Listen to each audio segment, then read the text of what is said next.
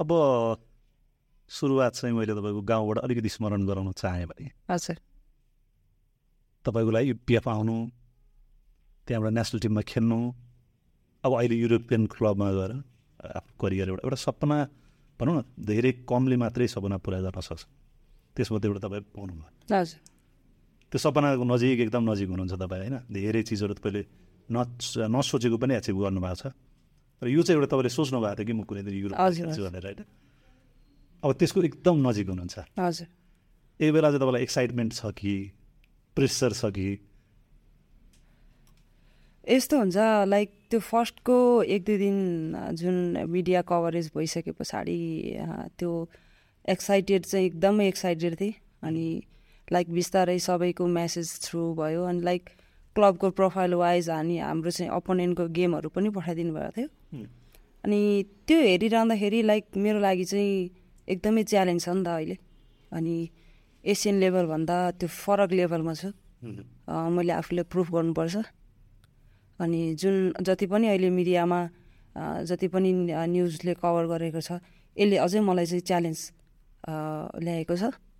यो च्यालेन्जलाई चाहिँ फेस गर्न गर्न चाहिँ तयार हुन्छ। तयार छु तपाईँ त फेरि एउटा आफ्नो एउटा साउथ एसियन रिजनमा त तपाईँले आफूलाई प्रुभ गरिसक्नु भएको छ।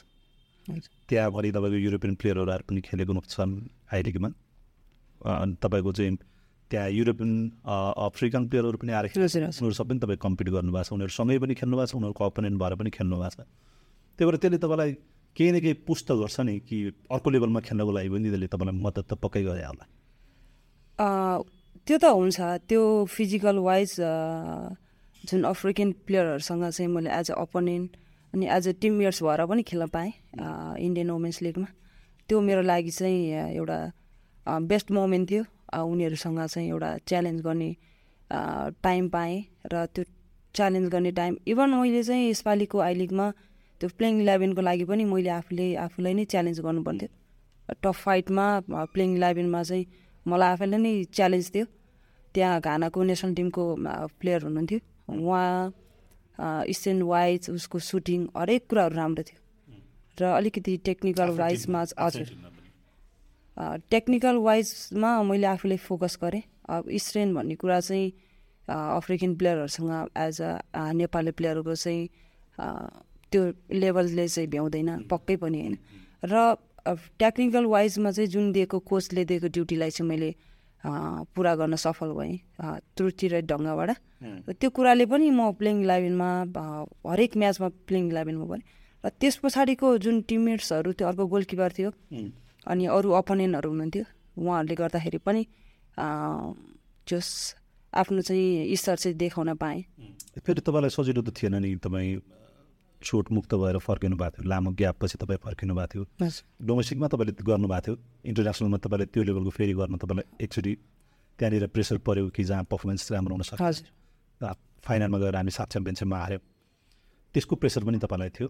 त्यसपछि इन्डियन लिगमा गएर आफूलाई प्रुभ गर्नु भने त चोटबाट मुक्त भएको प्रुभ गर्नु एउटा। ठाउँमा छ फिजिकली फिट भएको पनि तपाईँलाई मेसेज दिनु छ।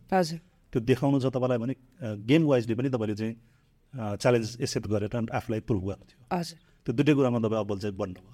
हजुर पक्कै पनि। कस्तो भने जब इन्जोर्ड भइसके पछाडि रिकभर जुन मेरो टाइमिङ थियो त्यो टाइमिङमा मैले आफूले गरेको एक्टिभिटिजहरू एउटा पनि मैले फेसबुक वालमा राखिनँ। किनकि त्यसले गर्दाखेरि भोलिको दिनमा म चाहिँ कति फिट छु भनेर अरूलाई जानकारी भन्दा नि आफूले चाहिँ आफूलाई चाहिँ कसरी चाहिँ कुल र कम्पोज राख्ने भन्नेमा चाहिँ आफूमै नै अलिकति फोकस भएँ र इभन मैले चाहिँ त्यहाँ गरेको एक्टिभिटिज बाहिर घुमेको फोटोहरू मात्रै राख्थेँ र मलाई कति राख्न मन लाग्थ्यो कि वालमा फोटोहरू जुन मैले एक्सर्साइज गरेको भिडियोहरू। त्यो देख्दाखेरि चाहिँ मेरो टिममेट्सले चाहिँ यति चाहिँ रिकभर भएको छ है भन्ने चाहिँ उहाँहरूले पनि एउटा सन्देश दिउँ जस्तो लाग्थ्यो होइन। तर यस्तो थियो कि नेपाली फुटबलको त्यो अवस्थामा जब म इन्जोर्ड भएको बेलाको पहिलो फेजमा चाहिँ जति पनि हाम्रो सिनियर दाईहरू इन्जोर्ड हुनुहुन्थ्यो उहाँहरू कमै मात्र ब्याक हुनुभएको थियो। त्यसले गर्दाखेरि अहिले नै मैले चाहिँ पोस्ट गरेर र मेरो चाहिँ भोलिको फुटबल करियरमा चाहिँ मैले आफूले चाहिँ प्रुफ गर्न सक्ने हो कि होइन चाहिँ एउटा मेरो अग्नि परीक्षा जस्तो त्यो आउन नै बाँकी नै थियो नि त। र त्यसले गर्दाखेरि पनि मैले चाहिँ कुनै पनि फेसबुक वालमा पोस्टहरू गर्दाखेरि फोटो होस् जुनसुकै भिडियो होस् भनेको तपाईँलाई चाहिँ डर म कमब्याक गर्न सक्छु कि सक्दिनँ भन्ने कमब्याकमा चाहिँ एकदमै डर थियो। इन्जोर भएँ यहाँनिर फोटो राख्दा होस् चाहे जुनसुकै इन्फाको पदाधिकारी जीवहरूसँग बोल्दा होस् र मेरो टिममेट्सहरूसँग बोल्दा पनि र म ठिकै भएन। भन्ने मात्रै हुन्थ्यो कि किनकि इभन मलाई अहिले पनि हिँडिरहँदाखेरि नि दुख्छ नि त।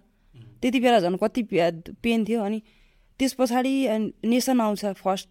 होइन त्यो क्लबले पनि मलाई पर्खिरहेको नेसनले चाहिँ हाम्रो म इन्जोर भएकै बेलामा वर्ल्ड कप क्वालिफायर राउन्डमा चाहिँ हामी फिलिपिन्ससँग वान जिरो लिड हुँदाखेरि हामीले चाहिँ टु वानले डाउन भएर चाहिँ हामी त्यहीँबाट घर फर्केका थियौँ। अहिले चाहिँ फिलिपिन्स वर्ल्ड कप खेलिरहेको छ। आज हामी त्यो लेभलमा हुन्थ्यौँ।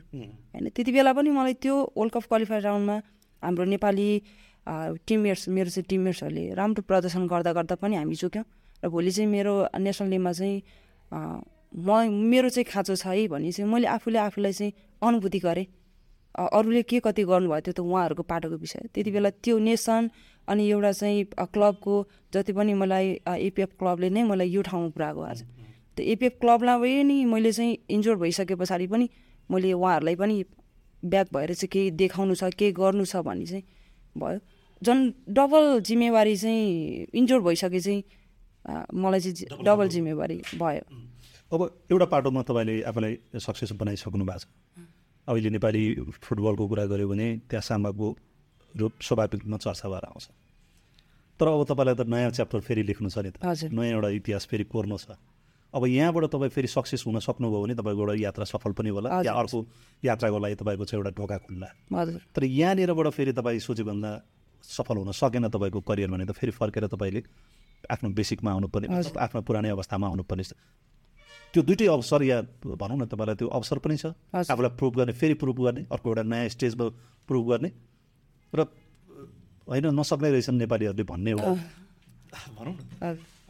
सामाले त सकेन भने अरूले कसले सक्छ भन्ने एउटा फेरि त्यो पनि त हुनसक्छ त्यो दुइटै कोलाई अब कसरी ब्यालेन्स गर्न सक्नु होला या के होला कस्तो खालको परिस्थिति बन्ला अब त्यो नयाँ ठाउँमा भन्ने लागेको छ?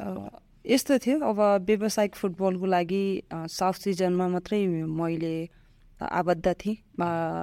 मित्र राष्ट्र भारतमा मैले चाहिँ जुन खालको एउटा छाप छोडेको छु त्योभन्दा फरक लेभल हो। पक्कै पनि मेरो लागि च्यालेन्ज छ। र जति पनि च्यालेन्जहरू फर्स्ट स्टेपमा गाह्रै हुन्छ। र जुन फर्स्ट स्टेपलाई चाहिँ पार गरिसके पछाडि सहज बनाउने सहज गराउने त आफ्नो हार्डवर्क आफ्नो चाहिँ डेडिकेसन कति छ त्यसमा डिपेन्ड पर्छ जस्तो लाग्छ। र जति पनि मैले इन्डियन लिगमा स्टार्टिङमा फर्स्ट सिजनै च्याम्पियन भएको। र त्यति बेला जुन यङ थिएँ होइन त्यो छुट्टै जोस जाँगर थियो त्यस पछाडि सेकेन्ड सिजन च्याम्पियन भयो third season champion third season पनि राम्रो भयो। र यो भनेको भोलि त्यहाँ गएर म च्याम्पियनै हुन्छु भन्ने होइन। तर च्याम्पियनको लागि च्याम्पियन हुनको लागि नै खेल्ने हो। र बेसिकल्ली मेरो चाहिँ त्यहाँको एक दुई दिनको ट्रेनिङ पछाडि अभियसली थाहा होला। त्यहाँको चाहिँ प्लेयरहरूको लेभल र एक दुईवटा म्याच खेलिसके पछाडि एज अ अपोनेन्टको पनि उनीहरूको चाहिँ क्षमता कति छ त्यो पनि मैले चाहिँ रिड गर्न पाउँछु नि त। र फर्स्ट स्टेजमा गाह्रै हुन्छ मलाई त्यो पक्कै पनि त्यसलाई चाहिँ च्यालेन्ज गर्न म रेडी छु। र जुन जति म त्यहाँ गइसके पछाडि योभन्दा बढी फोकस हुनुपर्छ। यहाँभन्दा बढी चाहिँ मैले हार्डवर्क गर्नुपर्छ भन्ने चाहिँ दिमागमा लिएको छु। पक्कै पनि त्यही चाहिँ प्रुफ गर्ने छु। र आउने दिनमा चाहिँ आउने जेनेरेसनको लागि चाहिँ यो ढोका खोलेको छु। मैले त्यही भन्नु लाग्छ तपाईँलाई। जस्तो तपाईँ सुरुमा तपाईँको करियरमा भनौँ न तपाईँले देश बाहिर मालदिप्समा गएर खेल्नुभयो। त्यसपछि तपाईँ इन्डिया हाम्रो हामीले इन्डियन लिगमा गएर नेपाली महिला खेलाडीले खेल्लान् भने त त्यो बेला कसरी कल्पना पनि गरेको थिएन जति बेला तपाईँले हजुर हजुर। तपाईँहरूले गएर खेलिसकेपछि त्यसपछि अरूको लागि पनि बिस्तार ढोका खोल्दै होइन? त्यसले अब अब युरोपमा हामी सिफ्ट हुन सक्नु भएको छौँ। तपाईँको माध्यमबाट युरोपियन फुटबलमा पनि अब नेपालीको नाम त कुनै न कुनै माध्यमबाट आउँदाखेरि नेपालीहरू साँच्चै खेल्न सक्ने रहेछन् भन्ने म्यासेज दिन सक्यो भने त अरूको लागि पनि त ढोका खोल्न हजुर हजुर। त्यो आशा तपाईँले कतिको राख्नु भएको छ? यस्तो छ अब मैले मालदिसमा खेलेँ त्यस पछाडि इन्डियामा आएँ। यहाँ इन्डियामा दुई वर्ष रेगुलर अन्त दिएर मैले खेलिसके पछाडि अहिलेको त्यो थर्ड सिजनमा चाहिँ हामी छजना भयौँ। दुईबाट छ भयौँ। र अहिले म युरोपमा फर्स्ट छु। होइन त्यो पहिलो नेपाली प्लेयर छु भने भोलिको दिनमा चाहिँ एज अ नेपालीले पनि यो ठाउँमा आएर चाहिँ प्रुफ गर्न सक्छ भने चाहिँ मलाई चाहिँ च्यालेन्ज अघि पनि भने मैले यो च्यालेन्जलाई एक्सेप्ट गर्नु नै मेरो चाहिँ भोलि आउने जेनेरेसनको लागि ढोका खोल्नु हो। र जुन मैले त्यहाँ गएर पर्फर्म गरिसके पछाडि मैले मेरो लागि पर्फर्मेन्स त्यहाँ जुन दिन सक्छु त्यो मेरो लागि पनि भयो। र एज अ नेसन र एज अ आउने जेनेरेसनको लागि पनि मैले चाहिँ छुट्टै मिहिनेत गर्नुपर्छ भन्ने चाहिँ डबल मलाई चाहिँ यसपालि चाहिँ लोड छ भन्ने चाहिँ मैले लिएको छु। भोलिको दिनमा मैले आफूले आफूलाई भन्दा नि आउने जेनेरेसनको लागि चाहिँ राम्रो गर्नेछु। कसै न कसैले त्यसको सुरुवात त गर्नु पऱ्यो। हजुर। अब एउटा कुरा यो छ नेपालमा खेल्दा होस् या बाहिर खेल्दा होस् आजसम्म मलाई लाग्दैन सामाले चाहिँ प्लेइङ इलेभेन बाहेक भनौँ न बेन्चबाट स्टार्ट गरेको एकदम कम होला। त्यो पनि तपाईँको इन्जुरीको कारणले होला कि या तपाईँलाई सन्चो नभयो भने मात्रै होला तपाईँले। सेकेन्ड हाफमा स्टार्ट गरेको बेन्चबाट स्टार्ट गरेको। अब सधैँ तपाईँ प्लेइङमा खेलेको। अब यहाँ जाँदै हुनुहुन्छ यहाँ त एक सय खेलाडी पक्कै होला। होइन प्लेइङमा नपर्ने चान्सेस पनि हुनसक्ला हजुर। त्यसको लागि तपाईँ कति तयार हुनुहुन्छ त? यस्तो छ अब कोचले चाहिँ हाम्रो कन्ट्र्याक्टको डिल इन्डिङ स्टार्ट र इन्डिङसम्म नै एउटै म्यासेज गर्नुहुन्थ्यो कि। त्यो भनेको त हाम्रो लागि कि प्लेयर हुनेछस् र त्यो अनुसारको चाहिँ मैले ट्रेनिङ दिन्छु भन्थेँ त्यो कोचको पाटो हो होइन? तर मैले चाहिँ के एस्पेक्ट गर्छु भने त्यहीँ गइसके पछाडि अभियसली पाँचवटा अरू फरेनर हुन्छ उहाँहरूसँग च्यालेन्ज गर्नु पऱ्यो एक उनीहरूकै अब अन्डर एजको अन्डर नाइन्टिनको बहिनीहरू छ उनीहरूलाई मैले चाहिँ फेस गर्नु पऱ्यो र त्यस पछाडिको प्लेइङ इलेभेन भन्ने कुरा च्यालेन्जै हो नि त। इभन साउथ रिजनमा मैले अघि पनि भने त्यहाँ पनि त मलाई हामी तिनजना फरेनर थियौँ दुईजना प्लेइङ इलेभेनमा खेल्न पाउँथ्यौँ। र त्यही दुईजनामा पनि मैले चाहिँ टप फाइट गरेर म प्लेइङ इलेभेनमा थिएँ भने त्यो ठाउँमा अझै पनि योभन्दा डबल च्यालेन्ज हुन्छ। र त्यो च्यालेन्जलाई चाहिँ मलाई लाग्छ यो टफ हो। र यो टफ च्यालेन्जलाई चाहिँ इजिली लिएको छैन। म अब मैले अघि पनि भने जुन मैले गर्नुपर्ने हार्डवर्क चाहिँ छोड्ने छैन।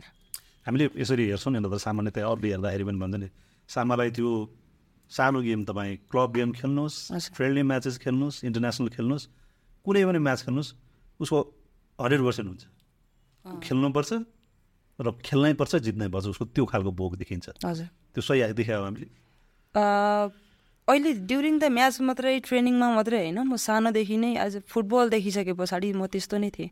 जब मसँग खाली खुट्टै मैले चाहिँ मोजाको बल स्टार्ट गरेँ। र कहिलेकाहीँ त्यो मोजाको बल नहुँदा पनि जुन एउटा हावामा उडिरहेको प्लास्टिकलाई पनि मैले बलको कल्पना गरेर त्यसलाई पनि म सिरियस रूपले नै खेल्ने गर्थेँ। र त्यो सानोदेखि नै बसेको त्यो एउटा ह्याबिट जस्तो लाग्छ मलाई।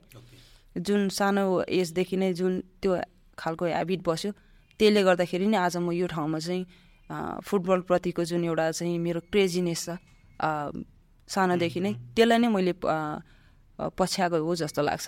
भनेपछि तपाईँले तपाईँले फुटबल खेल्न पाउनुहुन्न भनेर कसैले भन्यो भने त्यो त तपाईँ त्यो सजाय ठुलो सजाय। हजुर। होइन? त्यो त एउटा तपाईँले एउटा विकासक्रम तपाईँको खेलको विकासक्रम पनि हामीले देखाएको छौँ झन् दस वर्ष त तपाईँ अब नेसनल टिममै हुनु हजुर तपाईँको। लमजुङमा हुँदा तपाईँलाई लाग्थ्यो कहिले कि म कुनै दिन यसरी नेसनल टिममा खेलौँला या के गरौँला या पियाप ए पियापमै जाउँला भन्ने पनि तपाईँको दिमागमा त पक्कै थिएन होला। के पनि थिएन। त्यति बेला म सानो उमेरमा यस्तो छुचु थिएँ कि त्यो कसैले कन्ट्रोल गर्नु मम्मीले मात्रै सक्नुहुन्थ्यो कि कन्ट्रोल गर्न। खाना खान जानु पर्थ्यो नि त। बिहान बेलुका खानै खानु पऱ्यो। अनि खाना खानलाई बाध्यताले नजिक गए ट्वाक्क दिइहाल्नुहुन्थ्यो नि त। पिटिहाल्नुहुन्थ्यो। अनि जब म घरबाट बाहिर निस्किसके पछाडि त्यो कसैले रोकेर रोकिने नै थिइनँ क्या म? त्यो डिसिप्लिन हिँड होइन तर त्यो मेरो चाहिँ निडर भनौँ न त्यो निडरपन चाहिँ थियो ममा। र कसैलाई त्यो डिसरेस्पेक्ट त्यो गाली गरेर हिँड्ने त्यो अर्कालाई ओच्याउने चाहिँ थिएन कि मेरो सानैदेखि नै नेचर। इभन अहिले पनि छैन होला। होइन? र त्यति बेला चाहिँ जति पनि दाई दिदी अङ्कल आन्टीहरूले सोद्धा पनि त पछि गएर के भन्छस्? भन्नुहुन्थ्यो कि। म आर्मी बन्थेँ आर्मी बन्छु। अनि देशको सेवा गर्छु। मात्रै भन्थेँ कि? मेरो एम नै थिएन कि म पढ्छु म ठुलो यो बन्छु भन्ने नै थिएन दिमागमा। अनि जति पनि अब हाम्रो चाहिँ गाउँमा आर्मीको दाईहरू अङ्कलहरू मेरो अङ्कल आर्मीमा हुनुहुन्छ। उहाँहरूको फिजिकल फिटनेस उहाँहरूले गर्ने चाहिँ कामहरू फरक हुन्थ्यो नि त। र त्यो गाउँमा अनि स्कुल पढ्नको लागि च्यालेन्ज अनि घरबाटै मेरो चाहिँ कामको प्रेसर बिहान एउटा न एउटा काम नगरिकन म स्कुल जान पाउने अवस्थै हुन्थेन। होइन? र मैले चाहिँ फुटबल खेलेर एपिएफ जान्छु र देशको नाम राख्छु भन्ने कुरा त त्यो कल्पना भनेको त परको कुरा थियो नि त। र मैले चाहिँ घाँस काट्नु छ र घाँस काटिसके पछाडि खाना खाएर स्कुल जानु छ। मात्रै यति हुन्थ्यो मेरो दिमागमा। र बेलुका फर्किसके पछाडि चाहिँ केही काम गरेर मैले चाहिँ मोजाको बल खेल्नु छ। मेरो दिनचार्य चाहिँ यस्तो हुन्थ्यो कि? मेरो भिजन चाहिँ त्यो हुन्थ्यो पढ्नु छ त मेरो दिमागमै हुन्थेन। पढ्न चाहिँ गइदिनु अँ होमवर्क चाहिँ मैले प्रपर गर्थेँ। किनकि म सानो म दुई दुई क्लासमा चाहिँ म फेल भएको छु कि। दुई कक्षामा फेल भयो अनि त्यस पछाडि दिदी सँगै थिएँ नि त म। एक पछि दुई भयो दुईमा हामी दिदी बहिनी सँगै थियौँ। र दिदी तिनमा गइसके पछाडि म दुईमा फेल भएँ। दुई पछाडि चाहिँ म आठ कक्षासम्म रेगुलर म सेकेन्ड सेकेन्ड सेकेन्ड भएँ। पढाइ पनि राम्रो भयो। र नौ दसमा गइसकेपछि पढाइ बिग्रियो। अलिकति गेममा फोकस गरेँ। त्यति बेला चाहिँ गेम के हो भन्ने पनि थाहा भएन। र भिजन यो लिएर हिँड्छु त्यो गर्छु भन्ने नै थिएन क्या मेरोमा। अब तपाईँको भनौँ न परिस्थिति घरको परिस्थिति हेर्ने हो भने जस्तो अब तपाईँको परिवारले त्यो तपाईँहरू चारजना हुनुहुन्छ होइन बच्चाहरू? चार दिदी बहिनी दुई भाइ। दुई भाइ छजना। छजना। छजनाको परिवार बुवाको एउटा रोजगारी। हजुर। आमाले घर सम्हाल्नु पर्ने। हजुर। अनि छवटा बच्चालाई पढाएर हुर्काएर अनि बाटो देखाउनु पर्ने भने त सजिलो काम त थिएन उहाँहरूको लागि पनि। अब अहिले तपाईँहरू हुर्किँदै गइसकेपछि अब अलिकति बुवा आमालाई पनि सहज भएको छ परिवारको अरू जिम्मेवारी धेरै तपाईँले पनि हेर्नुहुन्छ। सुन्छु म। सहज छैन नि होइन? सानोमा चाहिँ यस्तो थियो हामी चाहिँ सरकारी स्कुलमै पढ्यौँ र भाइहरूलाई चाहिँ बोर्डिङमै नै पढाउनुपर्छ भन्ने चाहिँ हाम्रो दिदीबहिनीको सल्लाह भयो। र हामीले जति जानेछौँ त्योभन्दा बढी जानन् भन्ने चाहिँ भाइहरूमा भयो हामी हाम्रो चाहिँ दिमागमा। र सरकारी स्कुलमा अहिले म भन्छु अहिले मैले भनेको अनुसार त्यति बेला चाहिँ हाम्रो इङ्ग्लिस बेसिक राम्रो थिएन। त्यसले गर्दाखेरि नि अहिले चाहिँ राम्रो छ हाम्रो गाउँमा पढाइ। एकदमै राम्रो छ अहिले बोर्डिङ स्कुलको लेभलमा छ सरकारी स्कुलहरू पनि। र त्यति बेलामा चाहिँ अलिकति कमै कमजोर थियो। त्यसले गर्दाखेरि बाबाको तलब र अनि भाइहरूको बोर्डिङ अनि त्यस पछाडि हामी सरकारी स्कुलको त्यो ड्रेस त्यो किताब कफी हरेक कुरामा चाहिँ च्यालेन्ज थियो। अनि खानेकुराहरू भयो। अनि यस्तोसम्म पनि गरेको थियौँ कि हामी सानो उमेरमा हुँदाखेरि मलाई लाग्छ हाम्रो जग्गा जमिन धेरै थिएन। पुर्खौली सम्पत्ति त हाम्रो धेरै छैन। ठुलबासँग हुन्छ। त्यो हाम्रो ठुलबा चाहिँ अलिकति कमजोरै हुनुहुन्छ। उहाँसँग छ जति पनि पुर्खौली सम्पत्ति। र हाम्रो सम्पत्ति भनेको नै बाबा मम्मी हुनुहुन्थ्यो। र बाबा मम्मीले जे गरेर खुवाउनुहुन्थ्यो त्यो नै खाने हामीले। र यतिसम्म गऱ्यौँ कि हामीले चाहिँ अरूको खेत बाली चाहिँ बन्दगीमा काम गर्थ्यौँ। र बन्दगी कमाउने। हजुर। भन्नाले के सर्टेन पैसा उहाँहरूलाई दिएर अनि हामी चाहिँ त्यो खेतको चाहिँ मालिक जस्तो त्यो जग्गामा चाहिँ हामीले उब्जा उब्जाउ गरेर खानु पर्थ्यो। र त्यो अवस्था पनि पार गरेको छौँ हामीले। बन्दगीमा बन्दगी अर्काको खेत लिएर हामीले चाहिँ त्यहाँ धान मकै उब्जाएर चाहिँ हाम्रो चाहिँ परिवार चाहिँ पालेको अवस्था पनि छ बाबा मम्मीले। र कतिपय ठाउँमा हामीले रेगुलर ड्रेस सिलाउन पनि पाउँथेन नि त। अनि त्यही पुरानै ड्रेस भए पनि लगाएरै हामीले चाहिँ हाम्रो बाल्यकाल बितायौँ। र भाइहरूलाई चाहिँ त्यो दुःख दिनु हुँदैन। बहिनीलाई चाहिँ कान्छी बहिनीलाई पनि त्यो दुःख दिनु हुँदैन भन्ने चाहिँ दिदीलाई र मलाई त्यो नलेज आइसके पछाडि पछाडि बाबा म म अनि दिदी बसेर नै सल्लाह गऱ्यौँ। हामीले जुन पहिलाको स्ट्रगल गरेको छौँ अब आउने भाइ बहिनीले चाहिँ यो स्ट्रगल गर्न नपरोस्। उनीहरू चाहिँ हामीभन्दा केही हदसम्म शिक्षित हुन्। बरु हामी बरु हामी आज दुई सय खर्च गर्छौँ भने हामी आज एक सय खर्च गर्छौँ। त्यो पनि हामीमा सल्लाह हुन्थ्यो। बाबाले यतिसम्म गर्नुहुन्थ्यो कि यो छोरा हो यो छोरी हो। कहिले पनि छुटाउनु हुन्थेन कि? अब अहिलेको नेपाली समाजमा छोरा र छोरीलाई हेर्ने दृष्टिकोण त्यति बेला फरक थियो नि त। अहिले केही हदसम्म राम्रै छ। अझै पनि म भन्छु त्यो समान व्यवहार गरेको छु जस्तो लाग्छ लाग्दैन मलाई। त्यति बेला झन् अति नै थियो कि गाउँमा छोरा जन्मियो भने सिधै बोर्डिङ छोरी छोरीलाई चाहिँ सरकारी स्कुलमा चाहिँ हालिहाल्नुपर्छ। यस्तो नेचर थियो। त्यो समयलाई पनि हामीले पार गरेर आयौँ र बुबाको त्यो तलब सरकारी अफिसमा काम गर्नुहुन्थ्यो। र त्यो तलबले बाबा मम्मी हामी चार दिदी बहिनी दुई भाइ च्यालेन्ज थियो नि त। त्यो च्यालेन्जलाई नै बुवाले एक्सेप्ट गरेर भाइहरूलाई पनि बोर्डिङमा हालेर चाहिँ आज यो लेभलसम्म ल्याउनु भनेको त एकदमै टफ थियो। र त्यो च्यालेन्ज बाबा मम्मीले त्यो च्यालेन्ज गरिरहँदाखेरि हामीलाई कस्तो अनुभूति हुन्थ्यो कि? मलाई चाहिँ कस्तो हुन्थ्यो भने म चाहिँ सानै उमेरमा नै केही गरेर कमाउनुपर्छ घर परिवारलाई चाहिँ हेल्प गर्नुपर्छ। म चाँडै नै दिदीले चाहिँ बिहे गरिहाल्नु भयो चाँडै र त्यो दिदी बहिनीको सबै लोड चाहिँ मलाई आइपुग्यो। र मैले नै ह्यान्डल गर्नुपर्ने अनि त्यस पछाडि फेरि एपिएफमा जोइन भइसक्यो परिवारमा मतलब बच्चाहरू सन्तानहरूमा तपाईँ त्यसपछि भनौँ न जेठो- जेठो जेठो हुनु पर्यो नत्र तपाईँ माइली हुनुहुन्छ होइन? हजुर म माइली। माइली हुनुहुन्छ।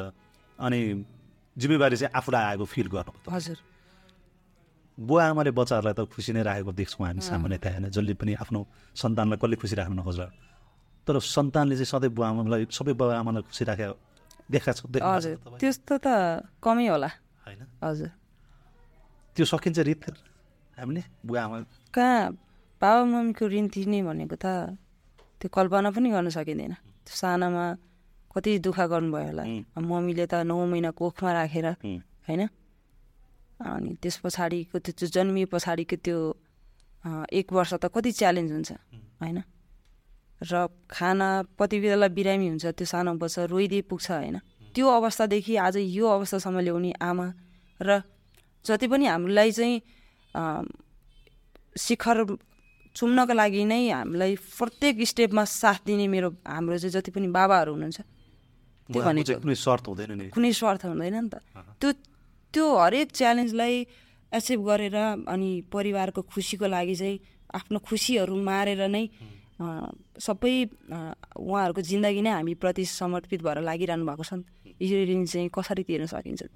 त्यो कल्पना पनि गर्न सकिँदैन जस्तो लाग्छ। अब तपाईँहरू छजना मध्ये को को काका हुनुहुन्छ? दिदी बिहा भयो। सिन्धुली हुनुहुन्छ। अनि त्यस पछाडि कान्छी बहिनी जापान छ अस्ति भर्खर गयो। र भाइ अहिले सिधेर पोखरा छ। अनि कान्छो भाइ घरमै छ बोर्डिङ पढ्दैछ। अनि साइले बहिनी चाहिँ विराटनगर हुनुहुन्छ। अनि बुवा अब अहिले त रिटायर्ड हुनुभयो? हजुर अहिले घरमा हुनुहुन्छ? घरमा। लन्चु? हजुर। ए। तपाईँको एउटा सपना बुवा आमाको लागि एउटा घर बनाउने सपना भनेर जुन तपाईँले देख्नु भएको छ। हजुर। बेला बेला भनेको सुनिन्छ। त्यो सपना कहाँ पुग्यो सपना यस्तो छ। घरको घरको छेउमै खोला छ। अनि खोलामै अहिले रोड रोड आएको छ। त्यसले गर्दाखेरि अझै हाम्रो लागि चाहिँ अलि अलि बस्नलाई पनि जोखिम छ नि त। बर्खायाममा जोखिम छ। र जति पनि मैले कमाएँ त्यो कमाएको पैसा मैले आफैले युज गर्ने होइन नि त। मेरो परिवार मेरो भाइ बहिनीलाई मैले खर्च गरेँ। मेरो बुवाको चाहिँ रिटायरमेन्ट पछाडि चाहिँ पेन्सन कमै आउँछ।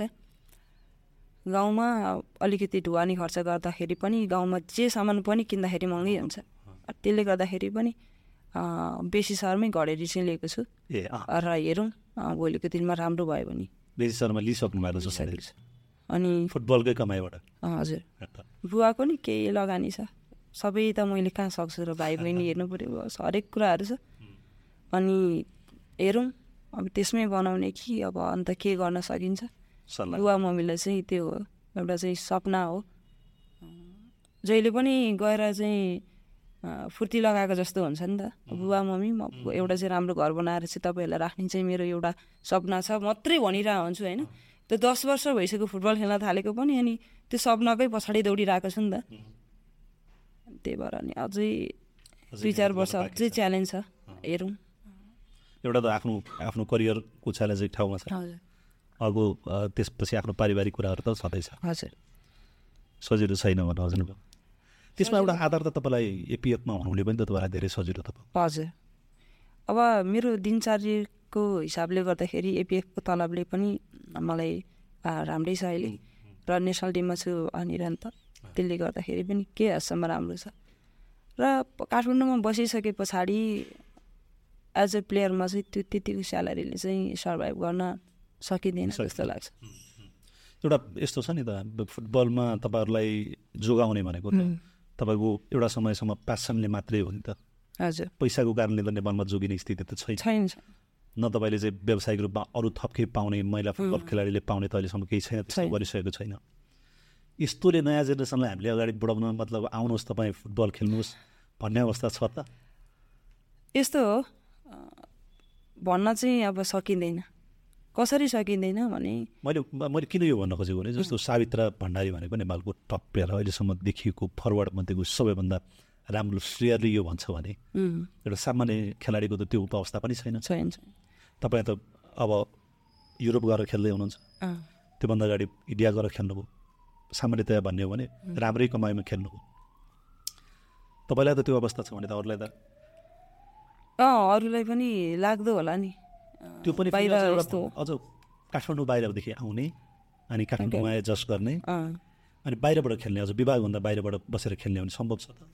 उहाँहरूलाई छैन। दुई वर्ष म पनि त्यसरी नै बसेँ। अनि? टु थाउजन्ड फोर्टिन फिफ्टिन जम्मा पाँच हजार थियो तलब अनि रुम भाडै पच्चिस सय हुन्थ्यो अनि रासन पानी गर्दा हजार पैँतिस सय।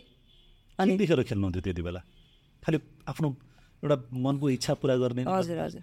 कुनै भिजा नै थिएन अनि। त्यति बेला जस्ट। फुटबल खेल्न पाएँ। बस त्यति फुटबल खेल्न पाएँ पुग्थ्यो अब म फुटबल भन्दा बाहिर चाहिँ जानै सक्दिनँ नि त। अब त्यो आफ्नो एमको कुरा पनि हो नि त। मेरो लक्ष्य नै त्यही हो। मेरो सपना नै त्यही हो भनेर सानो उमेरदेखि नै अँ, हिँडिरहेको। सबै कुरा पैसामा गएर मात्रै पनि हुँदैन। तपाईँले केही कुराहरू कम्प्रोमाइज पनि गर्नु पर्यो। आफ्नो सपना पुरा गर्नु छ भनेपछि। हो म मलाई यस्तो लाग्छ कि पैसाको लागि नै हिँडेको भए म आज यो ठाउँमा हुन्थिनँ। मैले पैसाको लागि नै गरेको भए त्यति बेला जति पनि हाम्रो नेपाली महिला प्लेयरहरू अहिले चाहिँ दुबई पुलिसमा हुनुहुन्छ। उहाँहरूसँग नै मैले फर्म भर्नको लागि रेडी भएको थिएँ। किनकि घरेलु प्रतियोगिता कमै हुन्थ्यो।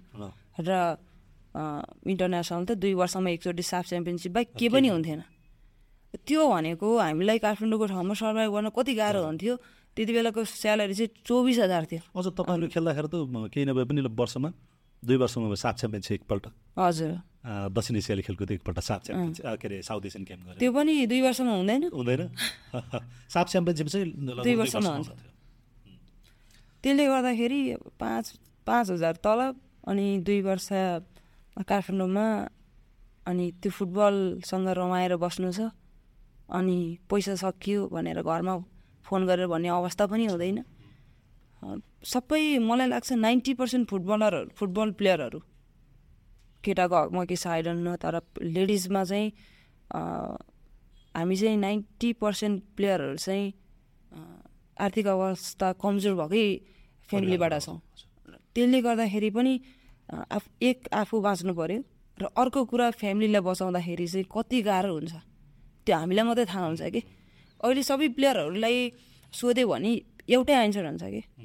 बाबा आमाको खुसी नै हाम्रो खुसी हो। होइन? र बाबा आमालाई नै हामीले खुसी राख्नु सकिरहेको छैन नि त। अहिले हाम्रो खुसीको लागि त्यो एउटा बलको पछाडि कुदिरहेको छ। र पैसा मात्रै ठुलो कुरा होइन नि त।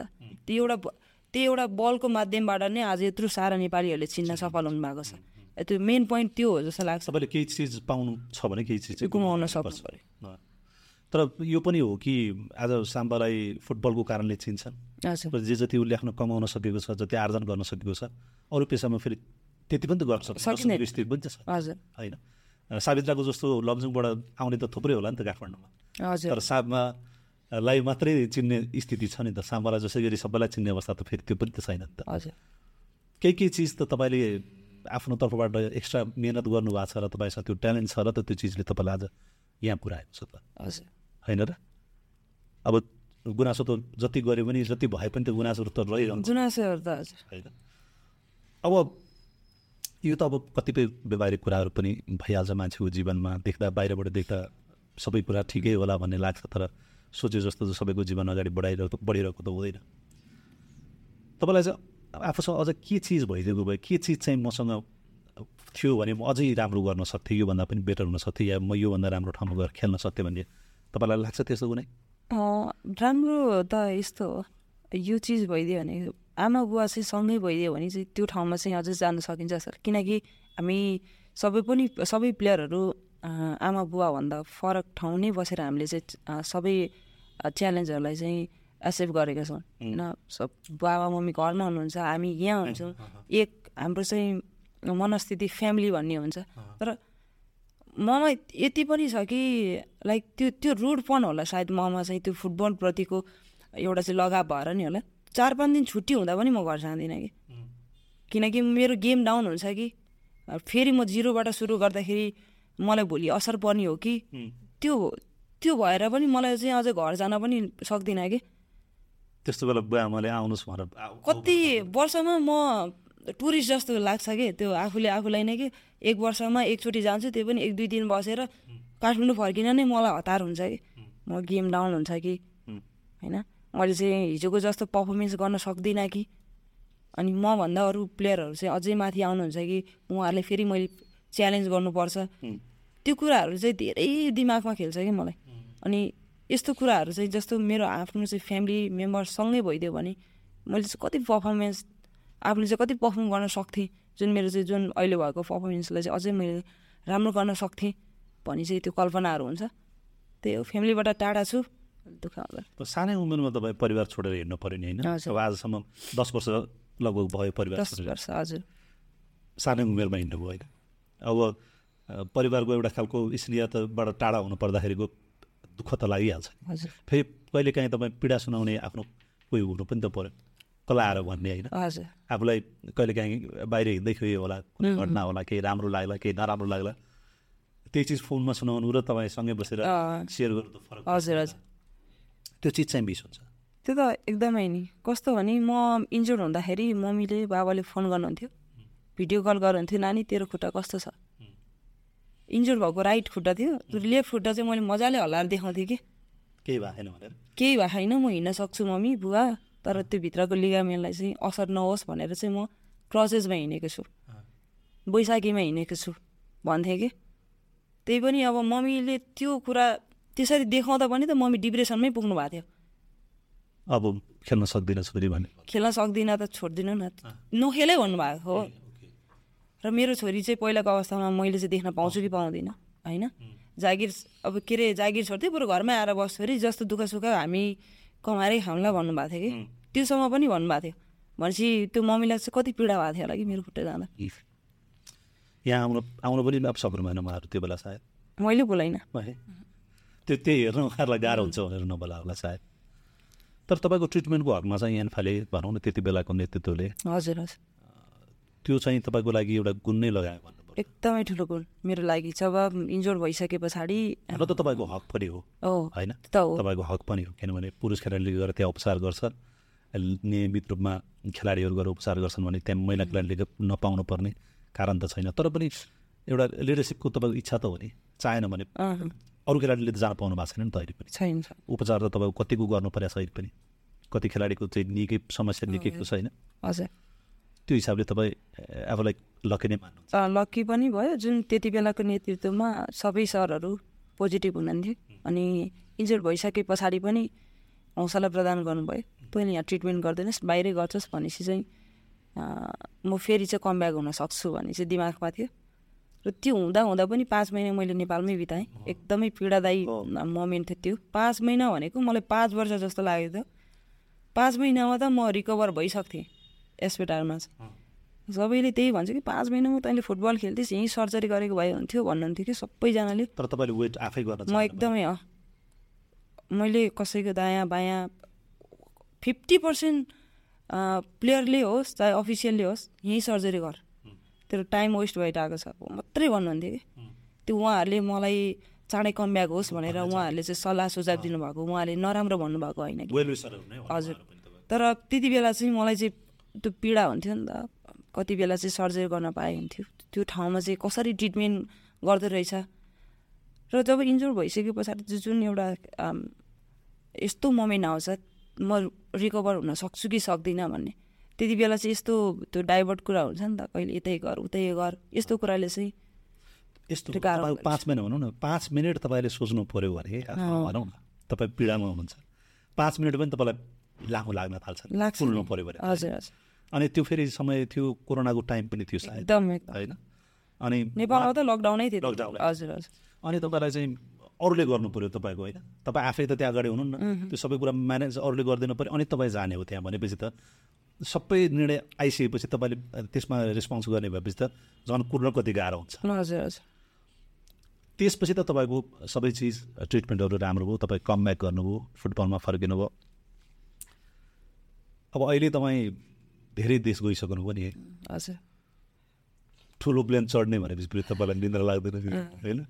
अब फेरि जाँदै हुनुहुन्छ। अब तपाईँलाई निन्द्रा लाग्नु छोडिसक्यो।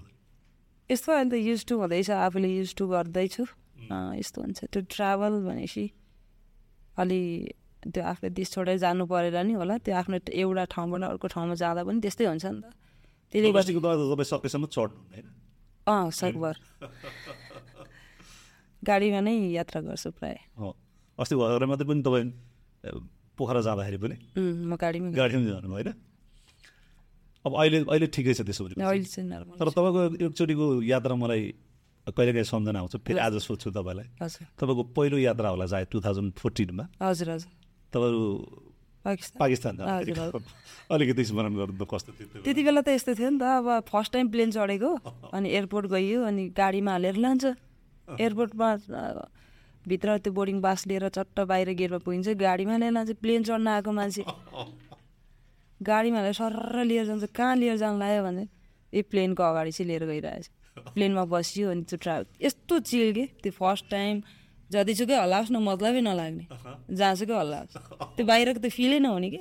बाहिर भित्रको रमाइलो। भित्रको रमाइलो अनि त्यो झ्यालबाट बाहिर चाहिँ राति भयो भने त्यो लाइट हेर्नको त्यो मजा। अनि दिउँसो भयो भने त्यो बाहिर चाहिँ त्यो बादलहरू भयो त्यो हरियाली त्यो कहिले त्यो टिन टल्किएकाहरू यस्तो मजा लाग्थ्यो कि त्यो फर्स्ट फर्स्टमा। अनि त्यो मोमेन्टलाई चाहिँ एकदमै सम्झिन चाहन्छु त्यो फर्स्ट प्लेन चढेको त्यो माथि चाहिँ त्यो एउटा गाउँबाट लाइक म चाहिँ गवारै छु जस्तो लाग्थ्यो नि त। त्यो ठाउँबाट अनि नेसनलाई रिप्रेजेन्ट गरेर एउटा चाहिँ प्लेन चढेर अर्को देशमा जानु। सबै कुरा सपना जस्तै हजुर। हजुर। अनि त्यो फेरि त्यो एउटा त तपाईँको एक्सपिरियन्स थियो भयो पाकिस्तान पुग्नु भयो अनि पाकिस्तान पुग्दाखेरि फेरि लगेज छुट्यो। लगेज अँ, कतिजनाको त्यति बेला यस्तो भयो हामी पाकिस्तान पुग्यो अनि ह्यान्ड क्यारी बोक्ने चलन रहेछ। त्यति बेला के को ह्यान्ड क्यारी डन है लगेज फालेर हिँडेको खाली हात हिँडेको आफू त है। झोला झोला अप्ठ्यारो के को झोला बोक्नु? पासपोर्ट गोजीमा छ चिल नि। त्यस पछाडि पाकिस्तान पुग्यो ह्यान्ड क्यारी बोक्नेले त एक दुईवटा लुगा हाल्नेले त पायो। हाम्रो लगेज छुट्यो लगेजै आउँदैन। अब अर्को दिन मात्रै लगेज आउँछ भनेपछि त तनाव भएन एक दिन पछाडि गेम छ। भोलि गयो पर्सि गेम छ। अनि पुगेको दिनमै ट्रेनिङ सेसन इभिनिङमा यसो गरौँ भन्न थाल्नु भयो अँ, कुमार कट्टल सर हुनुहुन्थ्यो अनि ड्रेस छैन।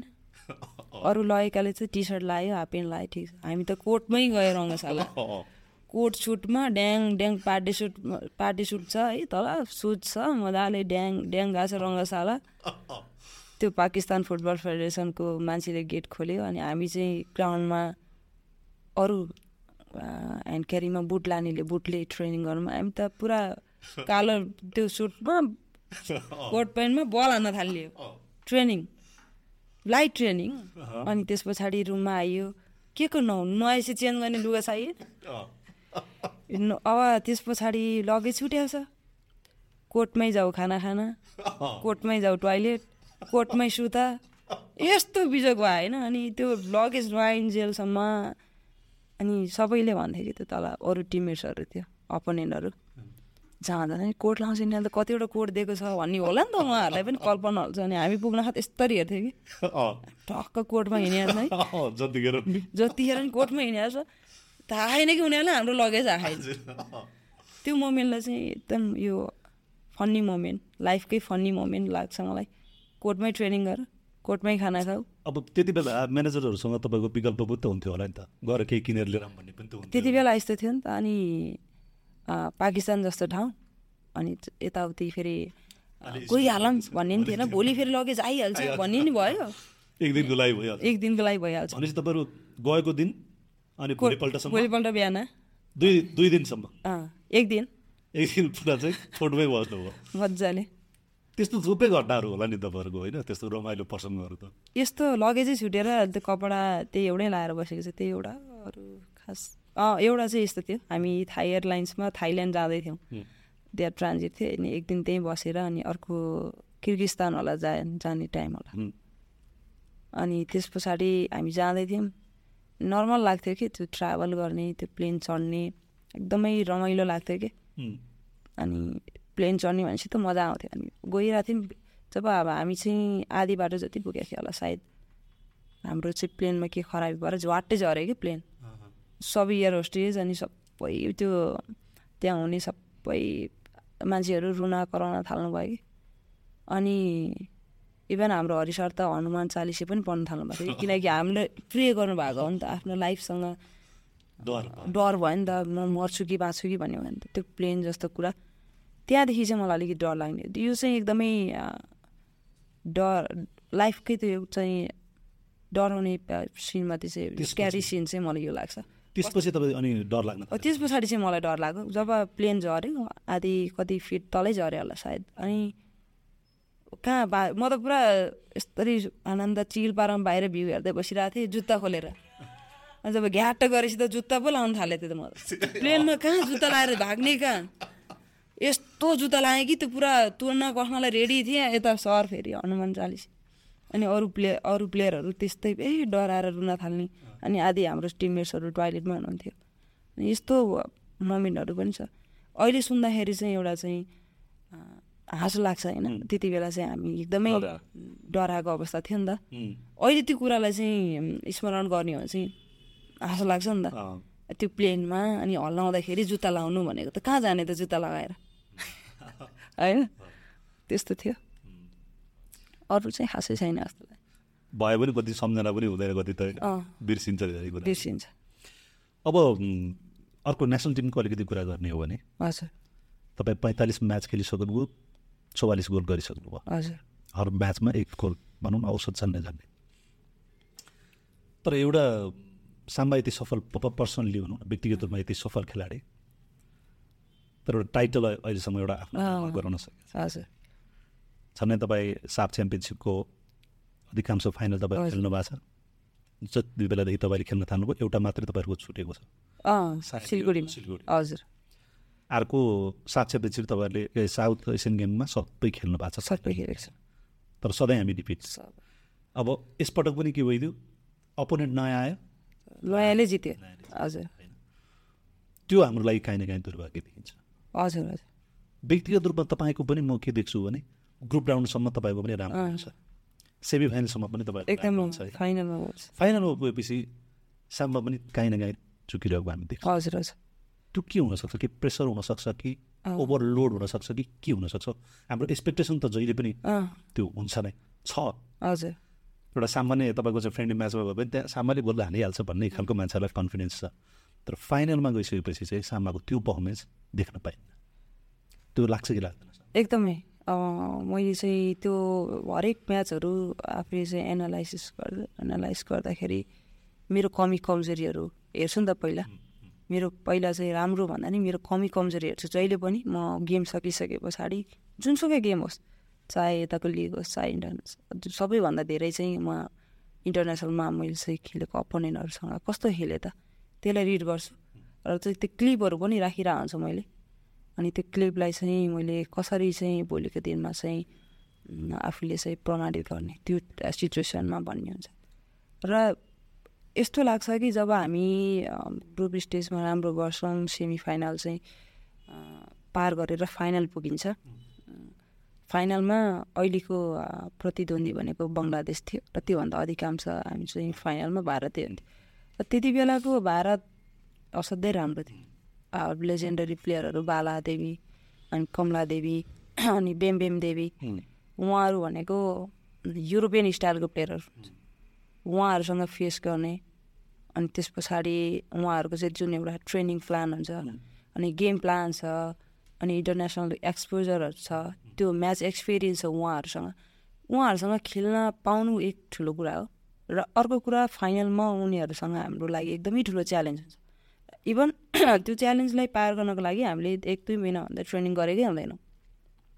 अनि र हाम्रो ग्रुप स्टेजमा त्यतिकै लोड परेको हुन्छ र सेमी फाइनल त अभियसली एकदमै लोड हुन्छ र फाइनलको दिन एक दिनै ग्याप हुन्छ जहिले। र त्यति बेला एज अ म प्लेयर हरेक ठाउँबाट म्यासेजहरू आउँछ अनि हरेक टिममेट्स अनि हरेक कोचेसहरूमा पनि एउटा चाहिँ विश्वास हुन्छ नि त। यत्रो नाम चलिसके पछाडि साम्बाले चाहिँ को लान्छ? जिताउँछ भन्ने एउटा चाहिँ उहाँहरूमा एउटा विश्वास छ। त्यो विश्वासको आधारमा पनि मैले आफूलाई त्यो उहाँहरूको विश्वासको पाटो फरक भयो। फेरि आफ्नो पर्फर्मेन्स मैले कति गर्न सक्छु? भने पनि आफूलाई लोड हुन्छ नि त। त्यसले गर्दाखेरि पनि मैले चाहिँ अझै पर्फर्मेन्स गर्न न दिन नसकेको हो कि जस्तो लाग्छ त्यो फाइनलमा चाहिँ। जुन चाहिँ तपाईँको फेरि क्लबमा चाहिँ त्यो देखिन्न? क्लबमा त क्लबमा चाहिँ एकदमै देखिन्छ। हजुर। त्यो भनेपछि केही लेभल एउटा प्रेसर एउटा प्रेसर क्रिएट नै भएको हो जस्तो लाग्छ। त्यो भनेको अब कुनै दिन हामीले टाइटल जित्यो भने सायद त्यो पनि तोडिन्छ कि? हजुर हजुर। होइन? च्या भोलिको टार्गेट च्यालेन्ज मेरो चाहिँ ड्रिम भनेको नै त्यो एउटा चाहिँ टाइटल हो। साम्बाको यति राम्रो करियरमा एउटा टाइटल थप्यो भने चाहिँ। अझ त्यसमा सुन्न सुगन्ध हुन्छ नि। हजुर। फुटबलमा त तपाईँसँग इन्डिभिजुअल प्राइज कति भयो भन्दा पनि ट्रफी तपाईँसँग त्यो महत्त्वपूर्ण बदे। छ। अब नेसनललाई एउटा ट्रफी दिलाउन सक्नुभएको दिन त फेरि साम्बाको त भनौँ न करियरमा एचिभ गर्न अब त्यसपछि बरु कमाइ चिज बाँकी कमाइ बाँकी होला। होइन त्यो सपना नि पुरा गर्नु गरिन्छ भन्ने लाग्यो होला नि। यस लाग्छ नि। अब फुटबल मैले चाहिँ फुटबल स्टार्ट गरेदेखि नै हाम्रो प्रतिद्वन्दी भारत हो भनेर हामी लागि पऱ्यौँ र बङ्गलादेशले राम्रो गरिसक्यो हामीले थाहै छैन। यो भनेको हाम्रो चाहिँ हाम्रो होस् त यहाँ हामी लास्ट टाइम यहाँ साफ च्याम्पियनसिपमा फाइ फाइनलमा हारेपछि थाहा भयो हामीलाई हजुर। यो कुरा थाहा छैन कि हाम्रो सङ्घ संस्थाबाट चाहिँ हामीले कस्तो लेभलको चाहिँ फेसिलिटी दिने एज अ वुमेन्स प्लेयरलाई कति चाहिँ म्याच एक्सपोजरको खाँचो छ उहाँहरूलाई र घरेलु व्यवस्था फुटबलमा कस्तो व्यवस्था छ हामीले कस्तो गर्दैछौँ र भोलि हाम्रो टार्गेट के हो उहाँहरूमा नि एउटा भिजन छैन नि त। र हामीमा चाहिँ त्यो एउटा भिजन छ। हामी साफ च्याम्पियनसिप जित्छौँ र हामी साउथ रिजनबाट राम्रो खेलेर चाहिँ वर्ल्ड कपसम्म हामी जान सक्ने एउटा चाहिँ। गोल्डन जेनेरेसन छ हामीमा। अँ। र यसलाई चाहिँ युटिलाइज गर्न चाहिँ नसकेको हाम्रो सङ्घ संस्था हो जस्तो लाग्छ। हाम्रो सङ्घ। प्लेयरले त सबै कुरा म्यानेज गर्ने कुरा त भएन। सकिँदैन नि होइन र? हजुर। हामी चाहिँ हामी कहाँ यहाँ चाहिँ के छ भने अब एक हिसाबले जति पनि अहिलेसम्मको रिजल्ट आएको प्लेयरमा जुन एउटा चाहिँ डेडिकेट छ। हामी यति डेडिकेट भएर लाग्छ भोलि गेम छ भने अघिल्लो दिन मिटिङ बसेर एक्लै अर्कालाई मोटिभेट गरेर. भोलि के आउँछ भोलि अरूले के दिन्छ भनेर सोच्नुभन्दा नि पहिला हामीले नेसनलाई चाहिँ के दिन सकिन्छ त्यो हेर्ने हो। र त्यसरी चाहिँ हामीले खेल्नुपर्छ र हामीले जित्यौँ भने हाम्रो त जित छँदैछ। आम फुटबल फ्यान्स आम नेपालीहरूको आँखामा त्यो पहिलादेखिको त्यो हामीप्रतिको विश्वास थियो नि त्यो विश्वास चाहिँ अब चाहिँ सपना त्यो जुन विश्वासको सपना थियो साकार भयो भने चाहिँ. हुन्छ कि? अब हामी साफ च्याम्पियनसिप नेपालमा खेल्यौँ दुईपल्ट। साउथ एसियन गेम पनि खेल्यौँ हामीले। होइन एकपल्ट साउथ एसियन गेमको पनि यही खेल्यौँ नि। होइन? साफ च्याम्पियनसिप विराटनगरमा खेल्यौँ काठमाडौँमा खेल्यौँ। तिनवटा अवसर हामीसँग थियो कि घरमै टाइटल उठाउने। त्यो त मिस गऱ्यौँ हामीले। हजुर हजुर। तर अब फेरि हामीले टाइटल जित्न चाहिँ विदेशी चाहिँ जानु पर्ला जस्तो छ। नेपालमा अब नेपालले आयोजना गर्ने भने त फेरि अब त्यसको त कुनै टुङ्गो भएको छैन। छैन। त्यो हिसाबले फेरि समय लाग्छ होला। लाग्छ। अब त्यो त एन्फाले तयारी गर्नु पऱ्यो कि अब हामी कहाँसम्म जाने कसरी जाने के हो हाम्रो टार्गेट भनेर। त एन्फाले जान्नै पऱ्यो खेलाडीले त्यसको कार्यान्वयन गर्ने पाटोमा भनौँ न मैदानमा खेल्ने मात्रै अब अर्को एउटा हामी कहाँ फ्यान फलोइङ ज्यादा हुने मध्ये महिला खेलाडीहरूको फ्यान फलोइङ बढी भयो भने देखेको चाहिँ साममा हुनुहुन्छ। हजुर मभन्दा अगाडि बहिनी छ अन्जना बहिनी अल्छारा बहिनी दोस्रोमा तपाईँ हुनुहुन्छ छैन होला म अलिक कमै छु होला अन्तादिहरू हुनुहुन्छ ओके अनि त्यसपछि जस तपाईँको पनि फ्यान फलोइङ एउटै। राम्रै छ होइन हजुर कस्तो लाग्छ नि फ्यान फलोइङ हुँदाखेरि चाहिँ यस्तो हुन्छ अब जति पनि यो मेहनत र पसिनाले कमाएको फ्यान फलोवर्स उहाँहरूले जति पनि हामीलाई फुटबल खेलेर जुन हामीले नेसनप्रति लगाव लागेर जति पनि हामीले चाहिँ आफ्नो घर फ्यामिली आफ्नो चाहिँ सबै इच्छा आकाङ्क्षाहरूलाई मारेर नै फुटबल खेलिरहेका छौँ देशको लागि। र देशको लागि खेलिरहँदाखेरि हामी देशको लागि योद्धा छन् नि त। हामी अलि योद्धाको रूपमा छौँ। र उहाँहरूलाई चाहिँ सपोर्ट गर्नुपर्छ भनेर उहाँहरूले जुन एउटा खालको पोजिटिभ रेस्पोन्स गरेर दुःख पर्दा होस् र सुख पर्दा होस् जित्दा होस् या हार्दा होस् उहाँहरूले यति राम्रो रेस्पोन्स गरिदिनुहुन्छ होइन?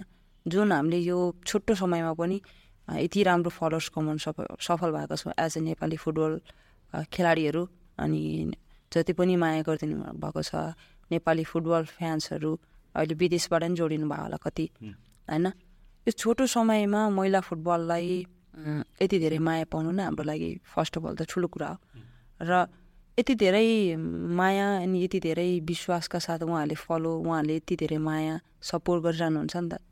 उहाँहरूको त्यो माया यो सपोर्टले चाहिँ हामीले चाहिँ त्यो माया र सपोर्टको ऋण अझै पनि चुक्ता गर्न सकिरहेको छैनौँ नि तपाईँको फ्यान फलोइङमा चाहिँ केटाहरू ज्यादा हुनुहुन्छ कि केटीहरू हुनुहुन्छ कि? म कहिले पनि हेर्दिनँ को केटा छ कि केटी छ कहिले नि। मतलब तपाईँसँग सम्पर्कमा आउनेहरू तपाईँलाई फोन गर्ला म्यासेज गर्छन् होला त्यस्तोमा चाहिँ त्यस्तै इक्वली छ प्राय भाइ बहिनी नै हुनुहुन्छ। हजुर।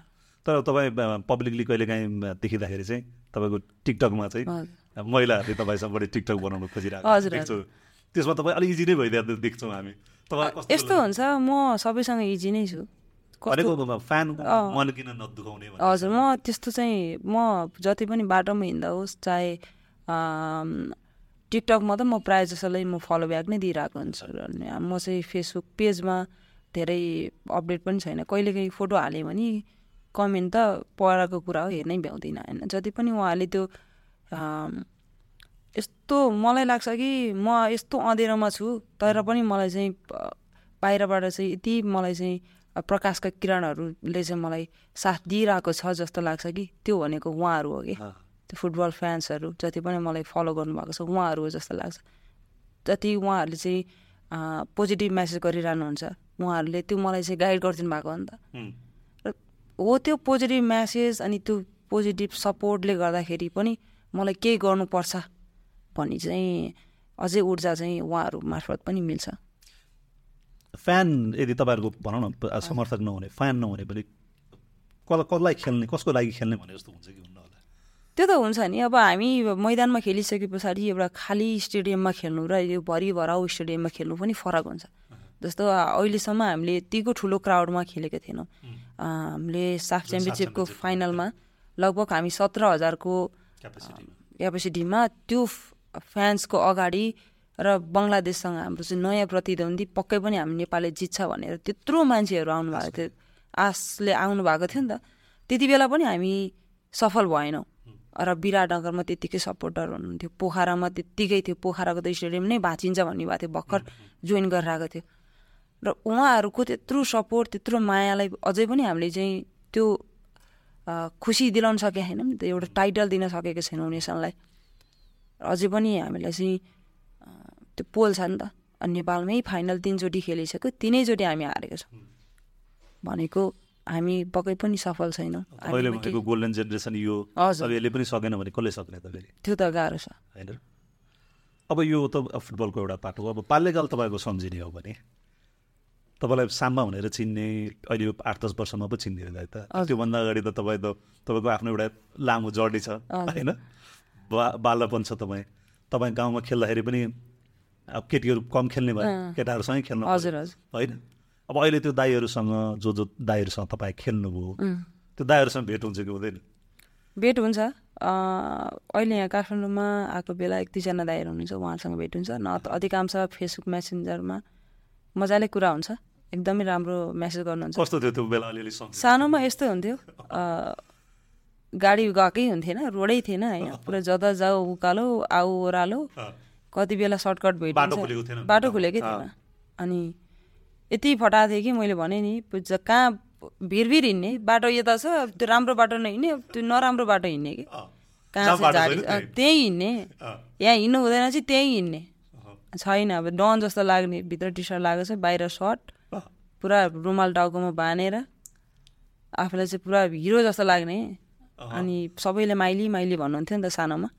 म माइली छोरी हो र सावित्र त कमैले भन्नुहुन्थ्यो। त्यति बेला सावित्र भनेको एक दुईजना मिश्र म्यामले भन्दा कसैले भन्नुहुन्थेन। माइली। नै भन्नुहुन्थ्यो। ओए माइली यता आइज त भन्थ्यो है। ऊ त आइज त भन्नुहुन्थ्यो।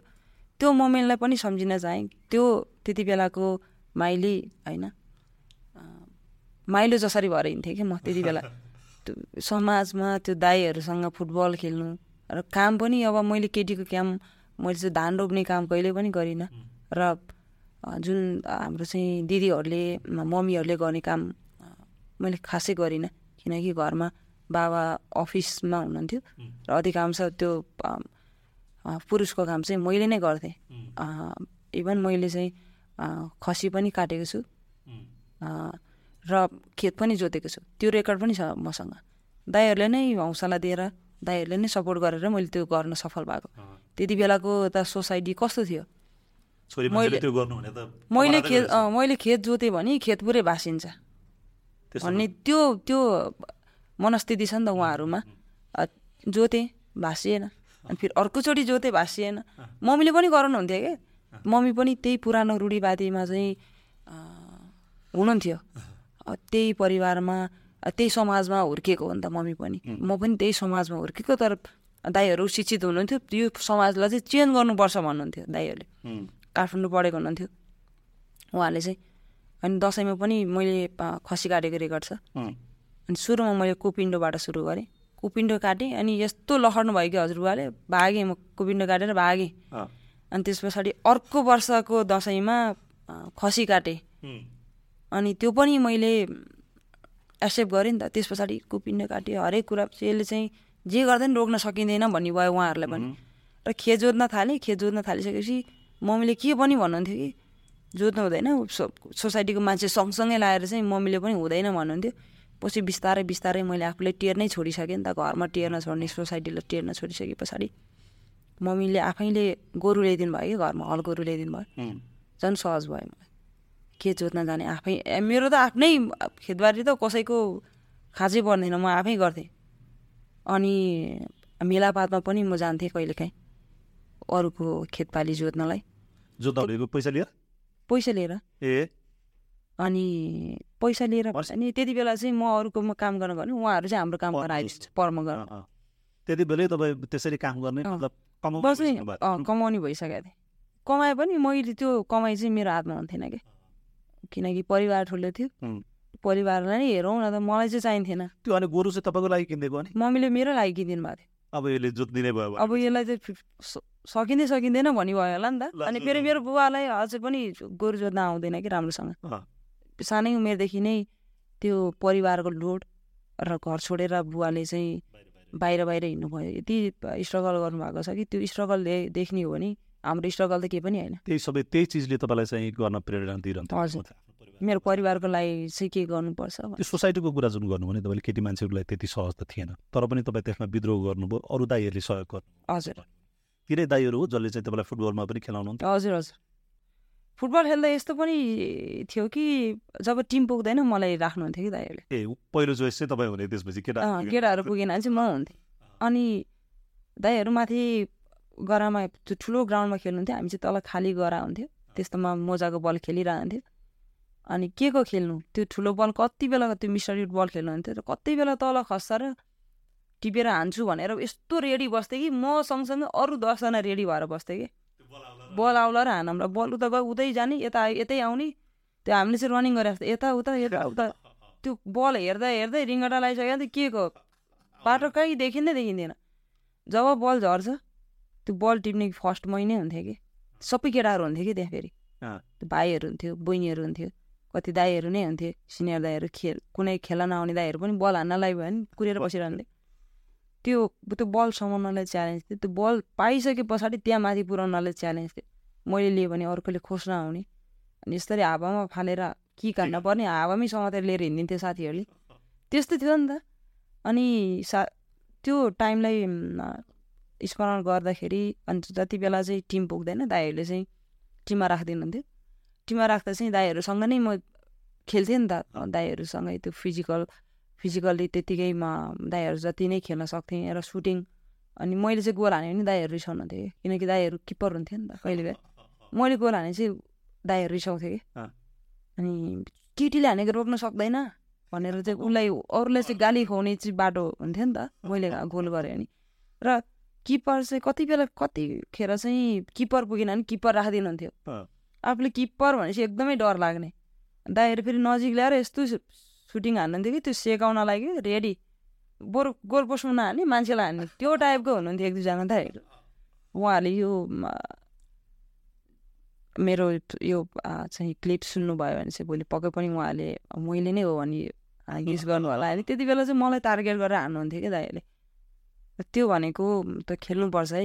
लगाव यहाँ फुटबलप्रति चाहिँ त्यो लगाव चाहिँ छुट्टै हुनुपर्छ भने चाहिँ उहाँहरूले चाहिँ फुटबलप्रतिको डिसिप्लिन सोसाइटीमा चाहिँ आफूले चाहिँ छुट्टै खालको प्रेजेन्ट गर्नुपर्छ। जुन पहिलाको रूढिवादीहरू छ परम्परागत त्यसलाई चाहिँ त्यागेर अब नयाँ चाहिँ नीति नियमलाई चाहिँ फलो गर्न सक्नुपर्छ। हामीले चेन्ज गर्नुपर्छ हरेक कुरामा चाहिँ।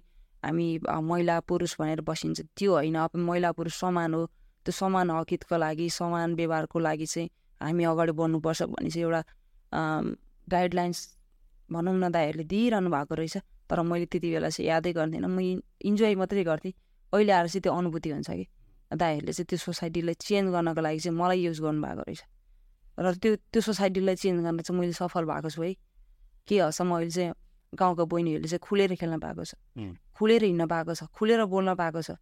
गाउँमा कुनै पनि कुनै पनि खालको चाहिँ छोराछोरीमा एउटा भेदभाव हुँदैन भन्ने चाहिँ सन्देश चाहिँ मैले दिन सकेँ। जुन दाईहरूको माया त्यो का मामाहरू भयो त्यो अङ्कलहरू त्यो खालको चाहिँ प्रेरणामा हुर्किन पाएँ बाल्यकालमा। होइन त्यसलाई चाहिँ दाईहरूले दिएको त्यो गाइडलाइन चाहिँ अहिले चाहिँ फलदायी छ भनौँ। अहिले फर्केर जाँदाखेरि गाउँमा उहाँहरूसँग भेट हुन्छ कि हुँदैन? उहाँहरूसँग भेट हुँदा यस्तो पनि हुन्छ कि जब मैले त्यो सोसाइटीलाई चेन्ज गर्दै जानुपर्छ भनिसके पछाडि एफएफ क्लबसम्म आउने चाहिँ एउटा बाटो तय भयो। र बाटो तय भइसके पछाडि गाउँको सोसाइटीको मान्छेहरूले के पनि भन्नुभयो कि मेरो मम्मी बाबा त बाबा पढ्नु भएको छ के मम्मी पढ्नु हुँदैन नि त। खासै पढ पढे लेखेको हुनुहुन्न गृहिणी मान्छे। अनि गाउँमा अब मेलापातमा होस् हरेक कुरामा चाहिँ मम्मी नै जानुपर्छ। खेताला खोज्न होस् परमा लाउन होस्। त्यति बेला के भनिदिनुहुन्थ्यो भने तिमीहरूको के इज्जत छ? हामी त एक आर्थिक अवस्थाले कमजोर फ्यामिली हो। तिमीहरूको के इज्जत छ? हाम्रो त इज्जत छ नि। र त्यो हाम्रो इज्जतको लागि भयो भने तेरो छोरीलाई त्यो हाम्रो छोराहरूसँग केटाहरूसँग दाईहरूसँग खेल्न नपठा काम गर्न नपठा। पनि भन्नुभएको थियो कि? र काठमाडौँ आउने बेलासम्म पनि मलाई के भन्नुहुन्थ्यो भने तेरो तिमीहरूको त इज्जत के छ र? हाम्रो इज्जतको लागि भने तेरो छोरीलाई काठमाडौँ नपठा त्यो एक्लै छ बिग्रिन्छ। त्यो बिग्रियो भने तिमीहरूको के इज्जत छ र हाम्रो इज्जत जान्छ फलाना गाउँको? चाहिँ फलानाको छोरी चाहिँ बिग्री छ है भन्ने भन्ने हुन्छ। भनेर भन्नुहुन्थ्यो। त्यो मम्मीले बाबाले यो कुरा कहिले पनि मलाई भन्नुभयो। किनकि उहाँ उहाँहरू म म प्रति चाहिँ यति विश्वस्त हुनुहुन्थ्यो कि सानो उमेरदेखि नै मैले कुनै पनि उपटाङ काम गरिनँ। र जब मैले चाहिँ स्कुल लेभलमा कहिले पनि फटा काम गरिनँ होइन? जति पनि मैले स्कुल लेभल बाल्यकाल मैले घरको काम अनि स्कुलको काम हरेक कुरामा चाहिँ म त्रुटि रहित ढङ्गबाट नै गर्न खोज्थेँ। कतिपय ठाउँमा मैले मिस्टेक गरेँ होला त्यसलाई एप्रिसिएट गर्नुपर्छ। र त्यति बेला मेरो मम्मी बाबाले मलाई नभन्दाखेरि मलाई चाहिँ सपोर्ट गरिरहनु भएको छ है भन्ने चाहिँ आवास भयो। अनि त्यस पछाडि चाहिँ निर्धक्कका साथ म काठमाडौँ आएँ। काठमाडौँ आइसके पछाडि त्यो त्यही सोसाइटीको कुरा नसुनेर मलाई जुन एउटा विश्वासको आधारमा काठमाडौँ पठाउनु भएको जुन त्यो मोमेन्टलाई नै सम्झेर मैले आफूले आफूलाई नै मेहनत गर्न थालेँ। भोलिको दिनमा यो समाजलाई चेन्ज गर्नुपर्छ। अनि यो समाजमा जति पनि नेगेटिभ कुराहरू छ नेपाली हाम्रो समाजमा महिलालाई हेर्ने दृष्टिकोण फरक छ। यसलाई चाहिँ चेन्ज गर्नुपर्छ। यसलाई नै अहिले यो फेजबाट चेन्ज गर्न सकेन भोलिको आउने हाम्रो बहिनीहरूलाई चाहिँ गाह्रो हुन्छ हाम्रो समाजमै। मेरै गाउँमा। अहिले चाहिँ धेरै सहज छ नि त उहाँहरू अहिले बोर्डिङ पढ्नुहुन्छ। जति पनि बच्चाहरू छ अहिले बोर्डिङ पढ्नुहुन्छ। र गाउँको सरकारी स्कुलमा पढे पनि छोराछोरी नै सरकारी स्कुल जान्छ। छुट्याएर चाहिँ पठाउँदैन नि त अहिले। त्यो छ। अनि त्यस पछाडि समान व्यवहारमा पनि उत्तिकै हुन्छ। यो कुरालाई चाहिँ चिन्नको लागि जुन दाईहरूले चाहिँ महत्त्वपूर्ण भूमिका खेल्नुभयो। त्यसमा चाहिँ म एउटा पात्र भएँ नि त। मुभीको एउटा पात्र जस्तो भएर मैले काम गर्न पाएँ। त्यो जो मैले चाहिँ प्रेजेन्ट गरेर मैले आज सफल भन्न सकेँ। र उहाँहरू अहिले म गाउँ जाँदाखेरि के भन्नुहुन्छ भने तँ जतिकै खेल्नको लागि मेरो छोरीलाई पनि सिकाइदिएन नानी भन्नुहुन्छ नि त। त्यो बल्ल चाहिँ उहाँहरूलाई चाहिँ रियलाइज भयो कि मैले के गर्दैछु र मैले के गर के गरेर चाहिँ आएँ र मैले चाहिँ सिङ्गो मेरो बाबा मम्मीको मेरो नाम होइन कि सिङ्गो नेपालको सिङ्गो देशको नाम राखिरहेको छु। त्यो मलाई चाहिँ प्राउड लाग्छ कि प्राउड फिल हुन्छ नि त। त्यही प्राउड फिल सबैसँग सेयर गर्न पाउनु नै ठुलो कुरा हो। र उहाँहरूले त्यो कुरा भन्नु त्यो कुरा भन्नुहुन्छ नि त। मैले आजको त्यो मोमेन्टमा तपाईँहरूले म जाने बेलामा के भन्नुभएको थियो भनेर झगडा गर्न मैले पनि सक्थेँ नि त। तर म मैले चाहिँ त्यो भन्न सुहाउँदैन। किनकि आउने जेनेरेसनको लागि नै मैले गरेको भन्दा पक्कै पनि हुन्छ म गर्न सक्छु मैले गर्न सक्छु चाहिँ परिवर्तनको लागि तपाईँको लिड गर्छ नेतृत्व गर्छ त्यसले पीडा पनि भोग्नु हजुर। हो त्यही भएर उहाँहरूले नै भन्नुहुन्छ कि मेरो छोरीलाई सिकाइदिए छोरालाई सिकाइदिए भन्नुहुन्छ। सिकाउने अवस्थामा त छैन म सकेसम्म चाहिँ हेल्प गर्न सक्छु। किनकि म आफै लर्निङ प्रोसेसमा छु। भनेको अब तपाईँ एउटा देशको लागि आइकन हुनुहुन्छ। तपाईँको समाजको लागि एउटा उदाहरण बनिसक्नु भएको छ। नयाँ पुस्ताको लागि त्यहाँदेखि त्यहाँको एउटा प्रेरणाको स्रोत लमजुङको हाम्रो चेली भनेको हुन्छ।